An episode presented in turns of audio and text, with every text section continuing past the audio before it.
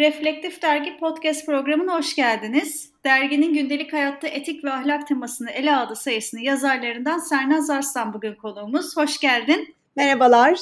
Çok teşekkür ederim beni davet ettiğiniz için.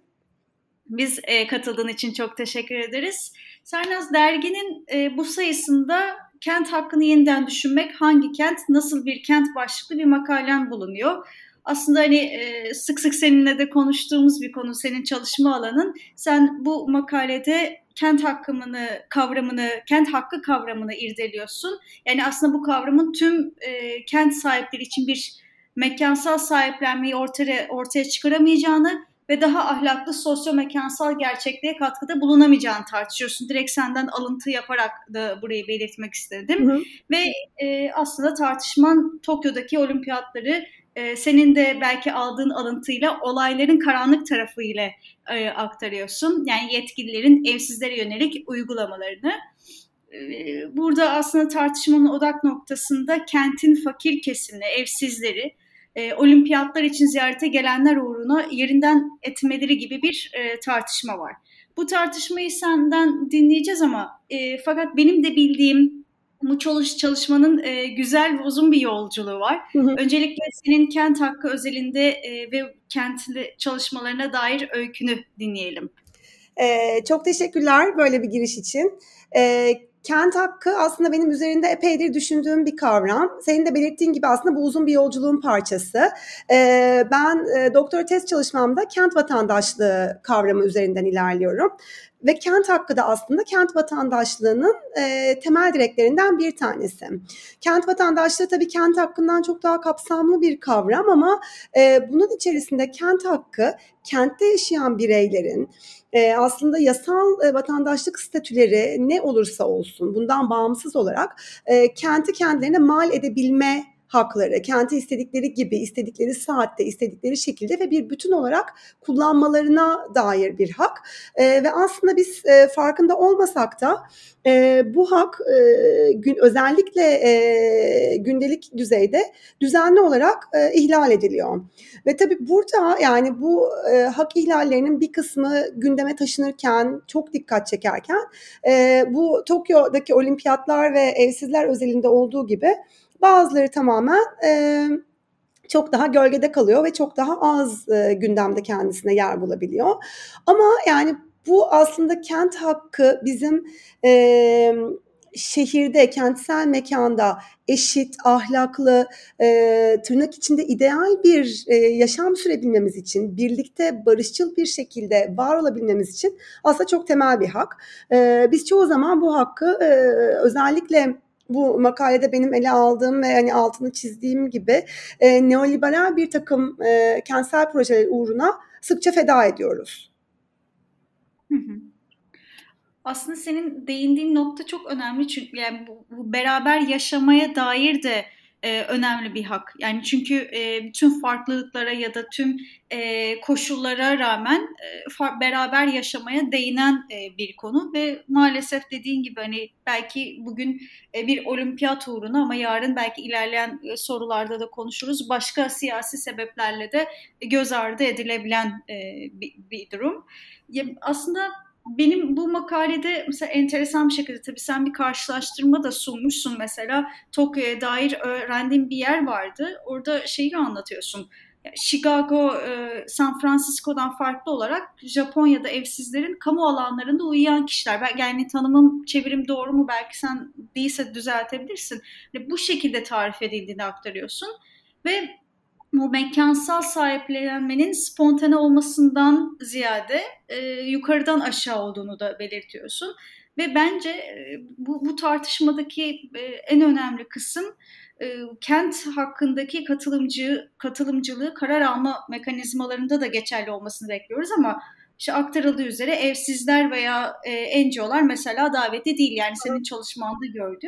Hani ben böyle bir e, giriş yapmak istedim senin e, neyi tartıştığına dair ama istersen burada Tokyo örneğini kent hakkı ve ahlak çerçevesinde sen nasıl tartışıyorsun senden dinleyelim. Tabii ya bu Tokyo özelinde aslında e, benim burada Tokyo Olimpiyatlarını ele alma sebebim aslında hani bir noktada da kendim e, yani günlük kişisel hayatımda e, bir e, Japon bir evsizin e, hikayesini çok dikkatimi çekmiş olması. Yani e, Osamu Yamada'nın hikayesini ben BBC'de denk geldim ve gerçekten yıllardır Olimpiyat Stadı'nın yanındaki parkta kendi yaptığı barakasında yaşıyor ve senin de belirttiğin gibi aslında Tokyo yani biz böyle e, evsiz ve işte e, homeless, boho kültür dediğimizde genelde aslında e, aklımıza Kuzey Amerika geliyor. Fakat Tokyo'da da çok ciddi sayıda bir e, evsizlik sorunu söz konusu ve bunlar genelde aslında e, sokakta korumasız uyuyanlar hani İngilizce'de de rough sleeper e, diye geçiyor. E, bu şekilde de adlandırılıyorlar ve özellikle Japon kültüründe baktığımız zaman insanların zaten hani son derece e, sosyal dışlanmaya maruz kaldıkları e, bir konu e, evsizlik. E, ve burada özellikle yani belirttiğim gibi Tokyo Olimpiyatlarında çok büyük e, aslında çok ciddi bir ekonomik getirisi de olacak bir neoliberal proje uğruna e, bu parkta yaşayanların yani Osamu, Osamu Yamada burada sadece bir isim ama bunlar yani e, yüzlerce evsizden bahsediyoruz. Bunların şehrin çeperine e, itilmesi ve tabii şehrin çeperine itilmekteki aslında problem yalnızca şehrin merkezinin, şehrin merkezindeki kaynakları kullanamaz hale gelmek değil ama orada kurulan danış, dayanışma ağını ve belki aslında hani e, bunlar herkes için, e, her kentli birey için son derece önemli. Yani bugün e, seni beni bir başkasını evinden yaşadığı birinci yaşam alanından dışarı itseler ki bunun örneğini mesela e, Avrupa yakasında kentsel e, Anadolu yakasında kentsel dönüşüm projeleriyle de görüyoruz. Bu başlı başına zaten bir problem ama evsizler gibi kırılgan bir grup üzerinde bunu konuşurken başka bir temel problem buradaki e, dayanışma ağlarını e, da yok etmek ve bunlar dediğim gibi böylesi bir kırılgan grup için aslında bir e, survival değeri taşıyor e, ve esas problem aslında burada başlıyor. Yani o insanların e, bir takım temel kaynaklara işte güvenlik, e, gıda, e, barınak e, vesaire gibi temel bir takım kaynakları olan erişimi çok ciddi anlamda e, zedeleniyor. E, ve tabii burada e, yani bunu daha da Tokyo özelinde çarpıcı hale getiren noktalardan bir tanesi bunun pandemi dönemine denk gelmiş olması. E, ve tabii bu insanların pek çoğu yaş olarak aslında orta yaş üzeri yaş grubuna denk geliyor. E, ve baktığımız zaman zaten hani bir takım sağlık sorunlarıyla e, boğuşuyorlar. Dolayısıyla aslında riskli bir grupta yer alıyorlar e, COVID-19 açısından. Ve kendileri daha tekil yaşadıkları yaşam alanlarından zorla şehrin çeperine, e, suburblere doğru yapılan e, yatakhane tipi barınaklara e, taşınmak durumunda bırakılıyorlar ve bu aslında onlar için e, ciddi bir problem de yarattı. Yani e, yaptığım araştırmada ben pek çok evsiz bireyin sağlık sebepleriyle o barınaklarda kalmayı reddettiğini de e, aslında e, gördüm. Ve senin de belirttiğin gibi yani ne olimpiyat stadının yerine karar verilirken ne aslında alternatif bir barınma alanı planlanırken e, ne evsizlerin kendisine ne de evsizleri temsil eden derneklere aslında e, danışılmıyor. Onlar karar alma mekanizmalarına davet edilmiyor. Bu tabii aslında temel bir hak ihlali. Çünkü kent hakkı dediğimizde biz biraz önce de belirttiğim gibi evet bir yandan kentte barınma, kentin merkezini kullanma, kenti bir bütün olarak kullanma ve bunu istediğimiz saatlerde ve istediğimiz biçimlerde tabii ki anayasal kurallar çerçevesinde bundan bahsediyoruz. Ama bu kavramın temel bileşenlerinden bir tanesi de aslında kente ve mekana dair e, karar alma mekanizmalarının içinde yer alabilme. Burada tabii çok ciddi bir e, dışlanma olduğunu da görüyoruz Japonya özelinde. Ama dediğim gibi bu sadece e, Tokyo Olimpiyatlarına veya işte Tokyo'daki Meiji Olimpik e, Stadyumuna dair değil. Biz bunu daha önce işte Sydney Olimpiyatlarında e, veya FIFA'nın e, büyük organizasyonlarında da e, sıkça gördük ve bunlar benzer şekillerde de e, gündeme geldi oralarda da. Aslında bahsettiğin deneyim ve tabii uygulama çok boyutlu sorunlara da e, yol açıyor bir yandan. Benim bir, bir, bir de son günlerdeki bir tartışmaya dair bir sorun var sana.